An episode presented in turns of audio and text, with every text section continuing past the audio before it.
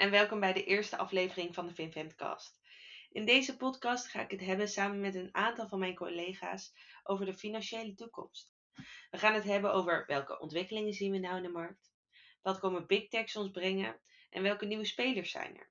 Maar ook hoe is het nou om te werken aan deze dingen en wat brengt het ons eigenlijk. Klinkt misschien heel complex, maar dat gaat het absoluut niet zijn. We gaan namelijk gewoon met elkaar in gesprek om wat meer over deze onderwerpen te leren. En misschien starten we na deze podcastseries wel onze eigen fintech. Laat ik me eenmalig voorstellen. Mijn naam is Milou, woonachtig met mijn vriend in Utrecht. Ik werk nu zo'n drie jaar bij Capgemini Invent en ik heb verschillende projecten gedaan, voornamelijk veel binnen de financiële services-industrie. Vanuit mijn achtergrond als strategic designer hou ik ervan om de mens centraal te stellen. Hierdoor ben ik ook voornamelijk benieuwd naar het effect van mogelijke ontwikkelingen op alle stakeholders en daarmee ook, en misschien wel het allerbelangrijkst, de eindgebruiker. Voordat we van start gaan, zal ik het eerste onderwerp van de podcast uh, introduceren. Dat gaat over open insurance. Het gaat over het openstellen van onze data in de verzekeringsmarkt, waarmee wij als consument eigenaar worden van onze financiële data, in plaats van de verzekeraar. Maar wat betekent dat nou voor ons en wat hebben we er eigenlijk aan? Binnen Capgemini hebben we een aantal collega's die hier veel aan gewerkt hebben en verstand van hebben. Een van deze collega's is Ewout en hij zal vandaag als gast aansluiten bij onze podcast. Ewout, zou je je voor willen stellen? Ja, dankjewel. Allereerst uh, dank voor de uitnodiging om hier te zijn. Superleuk. Uh, mijn naam is Ewart Bouwman. Uh, ik ben director bij Capgemini Invent. En ik hou me eigenlijk fulltime bezig met verzekeraars. Dus ik heb een, een marktrol. En dat betekent dat ik heel breed in gesprek ben met verzekeraars over, over wat hun managementagenda domineert. En, en ook de dienstverlening die wij daarbij bieden. En dan moet je denken aan de toekomstagenda van verzekeraars. Dus dat gaat over zaken als data, over technologie, hoe ga je om met innovatie, uh, strategie en strategische keuzes, enzovoort, enzovoort. Dankjewel, Ewout. Kan je ons wat meer vertellen over de huidige staat van de verzekeringsmarkt in Nederland? Ja, um, allereerst is het goed om je te realiseren dat uh, verzekeraars, de verzekeringsmarkt eigenlijk best wel een nationaal georganiseerde markt is. Dus uh, we kennen best wel grote internationale verzekeraars die uh, misschien zelfs wel over de hele wereld zitten. Alleen vooral ook ingegeven door, door wet en regelgeving zie je dat het markten zijn die, die per land uh, georganiseerd zijn. Um, en, en, wat, wat de Nederlandse verzekeringsmarkt eigenlijk interessant maakt, zijn een aantal grotere factoren als je even uitzoomt. Dus waar ik het eigenlijk over langjarige trends die zich voordoen. Um, en een daarvan is dat Nederland een land is wat best wel goed verzekerd is vooral aan de schadekant. We maken bij verzeker, uh, verzekeringen onderscheid tussen schade en leven. Dat is een, een, een dominant onderscheid. Uh, vooral aan die schadekant zie je dat uh, Nederland sterk verzekerd is. Misschien zelfs wel oververzekerd is. En je kunt naar een aantal grootheden kijken. Je kunt bijvoorbeeld kijken naar hoeveel polissen per hoofd van de bevolking heeft men. Of een betere grootheid om naar te kijken is nog het premievolume per hoofd van de bevolking. Zie je eigenlijk dat Nederland in de, in de wereldtop zit van, van landen waar mensen het meest aan verzekeringen ook, ook uitgeven. Um, Oké, okay, en is het dan, kunnen we dan zeggen dat de verzekeraars uh, goede marketing hebben gedaan in Nederland? Of heeft het ergens anders mee te maken? Nou, misschien is het ook wel een reflectie een beetje van de volksaard. En dat uh, Nederland, Nederlanders toch wat prudent uh, wellicht zijn. Maar dat is niet per eigenlijk mijn eigen specialisme. Maar ik zou me kunnen voorstellen dat dat daar zeker een rol in gespeeld heeft. Maar wat betekent dat nou? Dat als ik mijn auto in de prak rijd, dat ik alles verzekerd krijg. Maar als ik een Duitser was en daar verzekerd was, was het minder? Ja, eh, nou, dat zou ik niet durven zeggen, hè, want bepaalde verzekeringen, zo, groot zijn die verschillen tussen, tussen landen ook weer niet. Maar je ziet het bijvoorbeeld wel, uh, misschien dat je wel vanuit je, van jezelf of vanuit je eigen omgeving uh, ziet, is dat mensen toch ook ervoor kiezen om risico's te verzekeren, waarvan je af kan vragen, zou je die niet zelf kunnen dragen? Hè? Dus je, je, kunt, je koopt een nieuwe telefoon, nou, dat kan best wel een investering zijn, de nodige honderden euro's. Aan de andere kant, van, zou je dat ook kunnen leiden op het moment dat die, die, verliest of je uh, diefstal of uh, hij gaat kapot. En dat zijn eigenlijk voorbeelden van risico's. Ieder moet zijn eigen afweging daar maken. We hebben niet allemaal een gelijke risicobereidheid daarin. Het, het is slechts een observatie, de, de vaststelling dat, dat Nederland flink, flink verzekerd is aan die schadekant. En is het dan ook zo dat het lastig is voor nieuwe spelers om op de markt te komen, omdat er al zoveel verzekeringen verkocht zijn? Of is het zo dat het juist een fijne markt is voor nieuwe spelers, omdat misschien de vraag naar verzekeringen gewoon heel hoog is in Nederland. Ik denk dat allebei een beetje waar is. Uh, je zou inderdaad kunnen spreken over een verzadigde markt uh, in Nederland. Uh, gelijktijdig zie je ook wel dat Nederland toch wel interessant vestigingsland is, ook voor, voor internationale spelers, omdat de bevolking best wel nou, het niveau van internetadoptie is hoog. Ook het, digitale neemt in Nederland doorgaans een, een, sterkere vlucht dan in andere landen. En kan dan ook uh, wel interessant zijn voor partijen als we een van de eerste landen om, uh, om naartoe te gaan. Feit is dat die verzadigde markt betekent ja, dat als jij als verzekeraar dus op zoek bent naar, naar groei, ja, hoe ga je dat dan doen? Er is niet zo heel veel onontgonnen gebied waar je nog in kan stappen. Lijkt me lastig inderdaad. Zijn er wel gebieden of onderwerpen op dit moment waarin we zien dat de verzekeraars daar op dit moment op inspelen? Uh, ja, uiteraard. Uh, maar misschien is het ook goed om nog een, andere ontwikkeling eigenlijk aan, uh, aan de orde te stellen. En dat is ook wel dat, je, dat er een, over de afgelopen jaren een enorme schaalvergroting heeft plaatsgevonden in de verzekeringssector. En dat betekent eigenlijk dat, dat we nu veel minder verzekeraars hebben dan een paar jaar geleden. Je kunt het ook checken bij de Nederlandse bank. Die houdt toezicht niet alleen op banken, maar ook op verzekeraars. En als je dan kijkt zo rond het jaar 2000, zeg ik even uit mijn hoofd, waren er tussen de 6 en de 700 verzekeraars. Dus bedrijven met een verzekeringsvergunning. Nu zitten we nog ergens tussen de 100 en 150. Dus dat, daar is best wel een enorme teruggang uh, geweest. Dat was eigenlijk een situatie van een longtail. Hè? Een paar hele grote die veel marktdominantie hebben. Maar toch ook een hele hoop uh, kleintjes die daar achteraan kwamen. En je ziet dat er over de afgelopen jaren een consolidatieslag heeft plaatsgevonden. Overnames van verschillende kleine verzekeraars door de wat grotere verzekeraars. Uh, met als gevolg dat je nu minder verzekeraars hebt. De impact van die ontwikkeling is dat als je dus als verzekeraar ook wil groeien onder de huidige omstandigheden, je aan de ene kant te maken hebt met een best wel verzadigde markt, dus weinig uh, ruimte, uh, onontgonnen gebied, zoals ik dan maar even noem, om te groeien. Mm -hmm. En aan de andere kant, de andere manier om te groeien is natuurlijk via acquisities, overnames. Maar daar wordt de spoeling ook steeds dunner. Dus het aantal partijen wat nog op de markt is om overgenomen te worden, wordt ook wel uh, minder. Ik zeg niet dat het onmogelijk is, maar dat zijn wel factoren. En we praten vandaag over het onderwerp van open insurance. Hè, maar dat is eigenlijk wel een, een, een wat langere en bredere context die vooral ook dat onderwerp van open insurance zo interessant maakt. Ik heb nog wel één vraagje voordat we naar het onderwerp van open insurance gaan. Want je geeft aan hè, dat deze, deze schaalvergroting, en ook wel echt enorm eigenlijk als ik zo de cijfers uh, van jou hoor. Welke impact heeft dat voor de consument? Hebben ze minder keuze dan dat ze voorheen hadden? Of is het juist makkelijker geworden voor de consument? Ik weet niet of die con uh, de consument daar zoveel van merkt. Uh, een van de dingen die nogal een beetje het blik vertroebelt is ook dat verzekeraars vaak meerdere labels hebben waaronder ze naar de markt gaan en waarmee ze spotjes maken op tv en wat je in het straatbeeld ziet. Terwijl aan de achterkant het, soms eigenlijk dezelfde verzekeraar is met dezelfde processen en tegen dezelfde voorwaarden wat dat betreft. Dus dat suggereert als het ware dat er meer verzekeraars zijn dan er in werkelijkheid zijn. Hè? Maar dat geldt ook voor de, voor de automobielindustrie. Ik heb me wel eens laten vertellen dat het uh, vijf of zes grote partijen zijn die uh, alle grote brands in handen hebben wat dat betreft. Heb je daar een voorbeeld van? verzekeraar die eigenlijk meerdere, voor mij als consument, waar ik het idee heb, dit zijn meerdere verzekeraars, maar er dat eigenlijk maar eentje achter zit. Ja, dus dat zie je bijvoorbeeld sterk bij uh, Achmea. Achmea uh, werkt onder het eigen label Achmea. Maar je hebt bijvoorbeeld bij Achmea ook Interpolis bijvoorbeeld. En, en ze hebben ook Zilveren Kruis, wat een zorgverzekeringstak is. Nou, en, en zo hebben ze nog veel meer labels. En dat geldt eigenlijk wel voor al die grote verzekeraars. Vaak zijn het ook, ik noem het dan maar verzekeringsconglomeraten. Hè, in de zin van, ze werken zowel in de particuliere markt als in uh, de zakelijke markt doen ze het een en ander. Ze doen schade, ze doen leven. Ze hebben soms ook nog wel een, een bank uh, die onderdeel uitmaakt van, uh, van het verzekeringsconcern. Ze hebben nog een investment management tak waar, waar vermogen beheerd wordt. Dus dat zijn ook best wel grote organisaties met een veelheid aan activiteiten eigenlijk onder, dat, onder het dak. Dus zo'n uh, verzekeraar wordt eigenlijk uh, bijna een heel ecosysteem met allemaal services en diensten onder zich. Ja, dat, uh, dat zie je wel. Met, met alle voordelen, maar ook wel nadelen in termen van complexiteit eraan vast. Hey, laten we doorgaan naar het volgende onderwerp. Open insurance. eigenlijk het hoofdonderwerp van de podcast.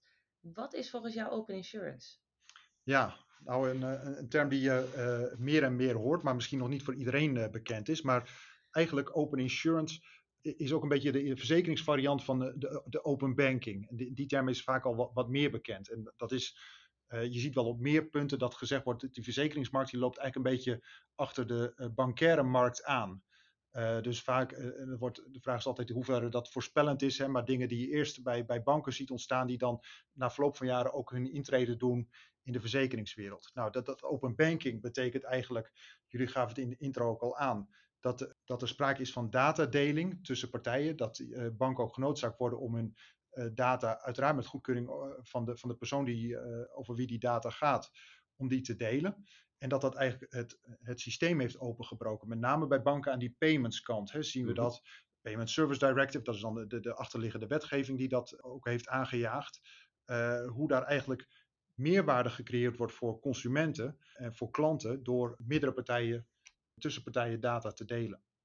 Ja, dan nu naar verzekeraars toe. Datzelfde zou, eh, eh, kan zich ook gaan voltrekken in de verzekeringsmarkt. Waarbij verzekeraars via wetgeving, en er is nu het een en ander in de maak, data kunnen gaan delen met andere partijen. En da- dat kan eh, tot gevolg hebben dat je als verzekerde beter bediend gaat worden door, door verzekeraars en aanverwante partijen. Ja, want ik kan me inderdaad voorstellen dat nou, vanuit de, de PSD2-wetgeving bij banken, dat op basis van het analyseren van mijn betaalgegevens, dat ze mij misschien inzichten kunnen geven die ik zelf nog niet had, Mhm. of dat ik daarop voordelen kan krijgen. Maar nou, je benoemt dat dezelfde voordelen kunnen gelden voor de verzekeringswereld. Maar dat is voor mij nog lastiger om te begrijpen hoe dat dan werkt. Kan je daar misschien iets meer over vertellen? Ja, tuurlijk. Eh, een, van de voordelen, eh, nou ja, eigenlijk gaat het ook om inzicht, net als dat je dat in die bankaire eh, mar- markt ziet. Alleen bij bankair, dan praat je vaak over inzicht in, in het bestedingspatroon, hè, wat, wat je veel beter verschaft kan worden. Als je dat vertaalt naar de, naar de verzekeringswereld, dan gaat het bijvoorbeeld over inzicht in hoe goed je verzekerd bent. Ben je misschien wel onderverzekerd of ben je oververzekerd? Hè? Zitten bepaalde eh, doublures in verzekeringen? Vooral ook wanneer je niet alles bij één verzekeraar hebt lopen. En is het misschien ook wel zo dat je ergens anders beter verzekerd zou eh, kunnen worden of eh, goedkoper eh, bijvoorbeeld ook. Dus eh, dat is ook zeker een van de dingen die eh, als onderdeel van open insurance zou kunnen gebeuren.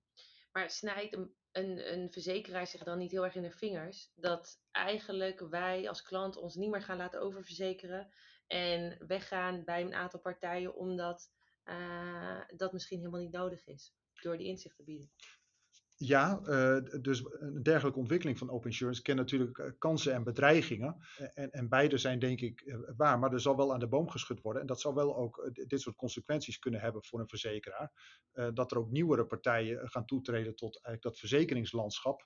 En, en daar ook een, een rol gaan spelen. En misschien wel een beetje ja, landjepik ook doen van de, van de bestaande verzekeraars. En als ik het vergelijk met de PSD2-wetgeving, dan kan ik me voorstellen dat die betaalgegevens, hè, dat dat bijvoorbeeld gegevens zijn die eh, ik weer met andere partijen kan delen. Mhm. Maar ik vraag me ook af, welke gegevens heeft een verzekeraar van mij, wat voor mij interessant is om met een andere partij te delen? Want ik kan me voorstellen dat het vaak met medische gegevens te maken kan hebben. Mhm. En dat is uiteraard ook gevoelige gegevens. Ik vind het nog lastig om een voorbeeld te vinden waarvan ik denk van, oh ja, dat zou goed zijn voor mij als consument zijnde, om dat met een andere partij te kunnen delen. Nou, eh, die, die verzekeraar die weet best veel eh, van ons. En, en een van de dingen is bijvoorbeeld ook gewoon hoe jij verzekerd bent. Hè? Welke dekking heb jij eigenlijk en, welke polissen enzovoort enzovoort. En uiteraard gaat het ook om persoonsgebonden eh, gegevens. Die natuurlijk een, behoorlijke mate van gevoeligheid hebben. Maar het zou bijvoorbeeld best wel kunnen dat men beter weet aan te sluiten bij je persoonlijke situatie. Bij je leeftijd, bij je levensstijl, bij eh, eh, je hobby's en je voorkeuren, waar je woont enzovoort enzovoort. Dat is natuurlijk ook interessante informatie voor een verzekeraar vanuit een commerciële optiek. Om jou veel gerichter producten te gaan aanbieden. Dus eigenlijk dan, omdat eh, een verzekeraar zoveel van mij weet, weet hij dat ik eigenlijk altijd met de trein reis en dus ook eh, mij niet allemaal eh, ehm, autoverzekeringen, et cetera, moet gaan aanbieden. Bijvoorbeeld, ja. En misschien dat die verzekeraar ook wel weet hoeveel jij eh, op jaarbasis rijdt. Want dat is bijvoorbeeld ook zo'n ontwikkeling die je, die je ziet. In plaats van dat je een standaard premie per maand eh, betaalt. Tegenwoordig zijn auto's ook rijdende computers. Worden ook data opgeslagen, wordt weer doorgegeven. Dus je kunt ook toe naar een, een model van, van betalen per kilometer bijvoorbeeld. En eh, misschien dat zo'n verzekeraar je er wel op kan wijzen dat dat, dat ook voor jou voordeliger zou kunnen zijn bijvoorbeeld. Maar als ik bijvoorbeeld eh, vroeger een ziekte heb gehad en daar nu geen last meer van heb, betekent dat ook dat mijn lasten hoger kunnen gaan zijn, omdat die gegevens misschien openbaar, zouden ze daar toegang tot hebben? Volgens mij is het hele idee, kijk, dit, we praten over wetgeving die op dit moment nog in de, in de eh, maak is. Hè. Dus wat je daarin terugleest is dat het wel degelijk ook eh, gaat om die afweging tussen aan de ene kant het gebruiksgemak en anderzijds ook wel waken van eh, de persoonlijke levenssfeer. Dus uiteindelijk het doel daarvan is wel om die consument juist eh, ten dienste te zijn met, met dat open insurance. Dat zou je voordeel moeten, moeten bieden.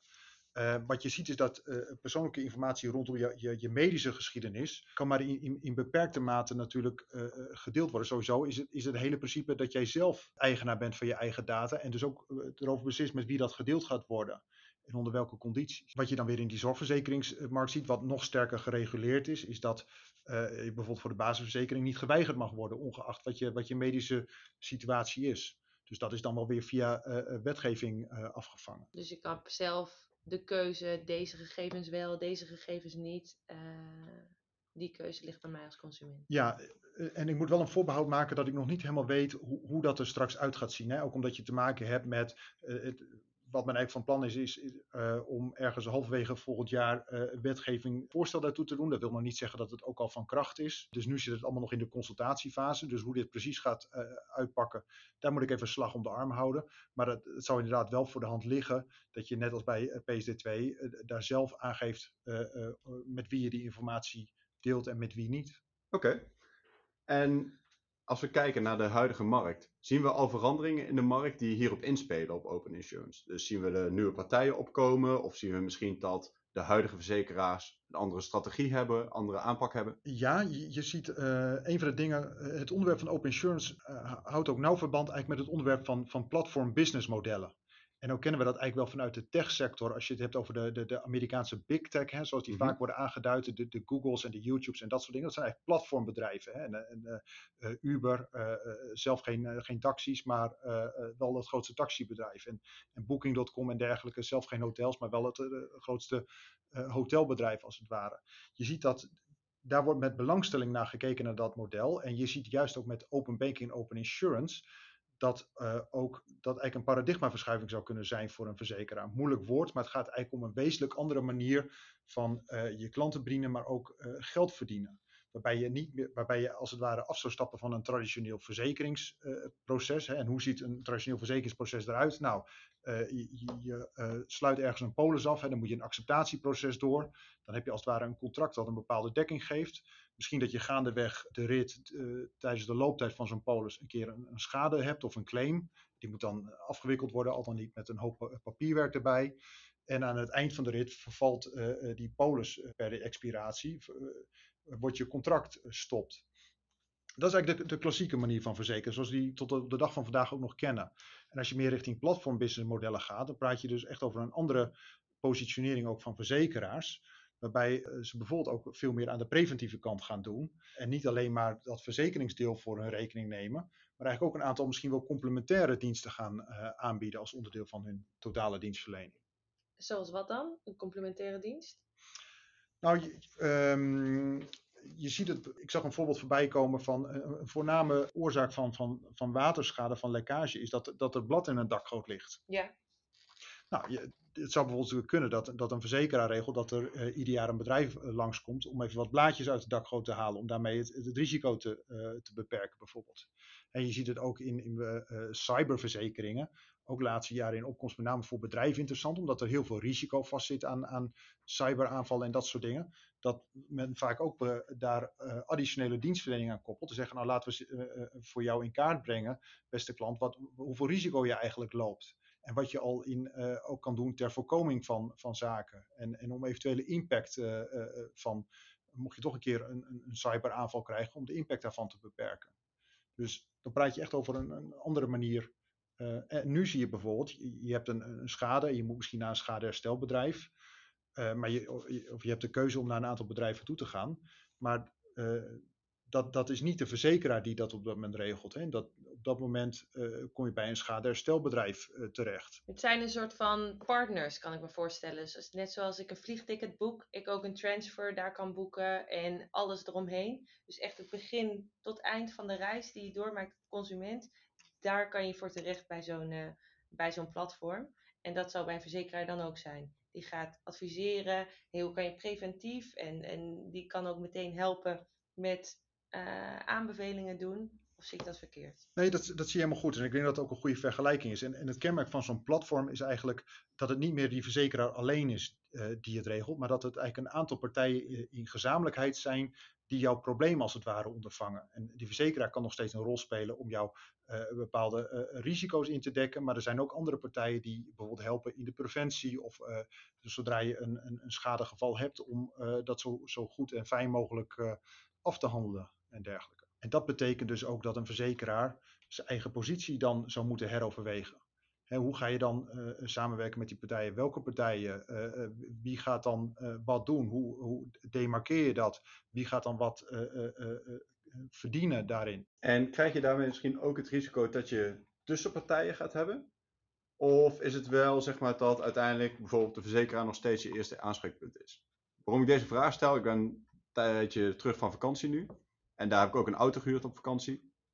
En altijd als je een auto huurt, moet je ook altijd, krijg je altijd de vraag of je het extra wil verzekeren, ja of nee. Mm en misschien ben ik de enige, maar ik heb altijd het gevoel dat ik te veel betaal. En dat komt volgens mij omdat die autoverhuurder probeert mij weer die verzekering te verkopen. Mhm. Terwijl ik eigenlijk veel liever van mijn eigen verzekering in Nederland zou willen weten. Wat heb je nu daadwerkelijk nodig? Dus is het een risico dat als je meer partijen in dit ecosysteem betrekt, dat je ook meer tussenpartijen krijgt? Of zou het zo niet moeten zijn? Even tussendoor, heb je die verzekering afgesloten? Nee. Oké. Ik heb hem niet afgesloten, maar ik weet dus niet of dat een goede keuze is. Ja, dat is zo'n stressverhogende factor hè, als je een keer uh, lekker op vakantie wil. En uh, ja, heel herkenbaar. Um, ja, je vraagt of dat, of dat meer uh, partijen meer complexiteit creëert. Ja, voor hun misschien wel, maar het hele idee achter zo'n platform is, is dat jouw leven als, als consument, als verzekerde, aangenamer wordt gemaakt. Hè, dus hoe ze het achter de schermen met elkaar regelen en wie welke rol daarin pakt, dat, dat, moeten ze zelf weten. Maar, maar de facto word jij als het ware ontlast. En heb je juist minder omdenken op die dingen. Maar wat je net over, je had het net over big techs die inkomen ook en die dit ook zouden kunnen overnemen. Ik vraag me af, hey, zou ik me nou dan ook bij Google of iets dergelijks over drie jaar kunnen verzekeren? Mijn zorgverzekering. En hoe voel ik me daarbij? Ja, dat, dat is een goede vraag inderdaad. En je ziet die vraag ook wel vaker geopperd worden. Ook van hè, uh, die big tech die zijn zich een positie aan het verwerven. Je ziet dat, dat steeds meer bedrijven data gedreven worden. En dat is natuurlijk waar zij in uitblinken. Wat ik zie is, ik weet ook wel dat, dat er gesproken wordt over gaat, gaat big tech intreden maken in de bankensector en ook in de verzekeringssector. Ik heb daar nog niet helemaal een goed beeld bij. Wat ik wel weet is dat er gewoon een hoop ook uh, nieuwe bedrijven zijn. Hè? Dus zogeheten insurtechs. Dus we kennen allemaal wel de, de fintechs. Uh, nieuwe jonge technologiebedrijven, start-ups uh, binnen de financiële sector. Nou, de verzekeringsvariant, dat noemen ze dan uh, insurtechs. En dat is best wel een groeiende industrie eigenlijk. Ook als je daar weer van een afstandje naar kijkt, dan zie je zoals de hoeveelheid partijen als ook de, de bedragen die daarmee gemoeid gaan, wel echt behoorlijk hard omhoog gaan. Maar waarom zou, zo'n, waar, waarom zou zo'n insurtech nou zo succesvol zijn? In vergelijking met een bestaande verzekeraar die eigenlijk al zichzelf heeft bewezen. Er zijn een aantal redenen voor. Uh, Eén daarvan is juist het voordeel van een nieuwe partij zijn. En dus geen legacy, geen uh, oude systeem. Wat je ziet is, ik zie heel veel verzekeraars die hebben, die, die willen best wel een hoop dingen, maar lopen ook tegenaan dat ze eigenlijk uh, veel verouderde IT-systemen hebben, wat misschien ook wel komt uit een, een tijd uh, dat ze nog overnames hebben ge, uh, gedaan, waar ze ook weer systemen hebben en eigenlijk eerst een rationalisatie in hun IT-landschap moeten slaan, voordat ze ook al die mooie dingen met data kunnen gaan doen en ook al die fantastische manieren om die klant beter te bedienen met 360 graden klantbeelden enzovoort, enzovoort. Nou, dat probleem hebben die nieuwe bedrijven niet. Die hebben die legacy niet en die kunnen eigenlijk dat in één keer goed doen. En het tweede is dat uh, uh, wat, die, wat die nieuwe bedrijven vaak ook doen, is dat ze uh, niet dat conglomeraatachtige gedachte hebben van alles voor iedereen willen doen, maar juist er erg selectief in zijn en zich erg toeleggen op bepaalde type verzekeringen of een bepaalde klantengroep wat dat betreft. En daarmee wordt het leven ook wat makkelijker voor hun. Ze hebben minder complexiteit. Dat klinkt veelbelovend. En zijn er ook al uh, best practices uh, van bedrijven die dit in de praktijk kunnen brengen? Ja, uh, ik zie bijvoorbeeld een, een Amerikaans bedrijf, uh, Lemonade, die zijn ook beursgenoteerd. En, en, die worden ook vaak wel aangehaald als, als succesvoorbeeld. En wat, wat hen kenmerkt is dat ze een aantal verzekeringsprocessen in hoge mate geautomatiseerd hebben. Dus terug naar dat traditionele verzekeren. Je hebt aan de ene kant uh, heb je een acceptatieproces. Je moet een, polis afsluiten. En uh, zij hebben dat in hoge mate geautomatiseerd, waardoor het heel makkelijk is. Heel veel barrières zijn weggehaald om een verzekering af te sluiten. Bijkomend hebben ze het ook nog heel overzichtelijk gemaakt. In termen van premie, in termen van producten die je krijgt. Het is echt met een paar muisklikken geregeld.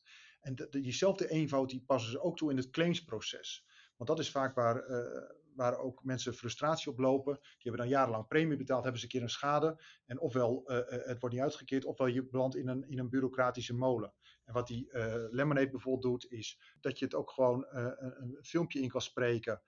waarin je je schade als het ware meldt. En er loopt op de achtergrond loopt de software die dat weer kan analyseren. En die er analyses op doet. En dat je dus heel eenvoudig en ook heel snel je schade uitgekeerd krijgt.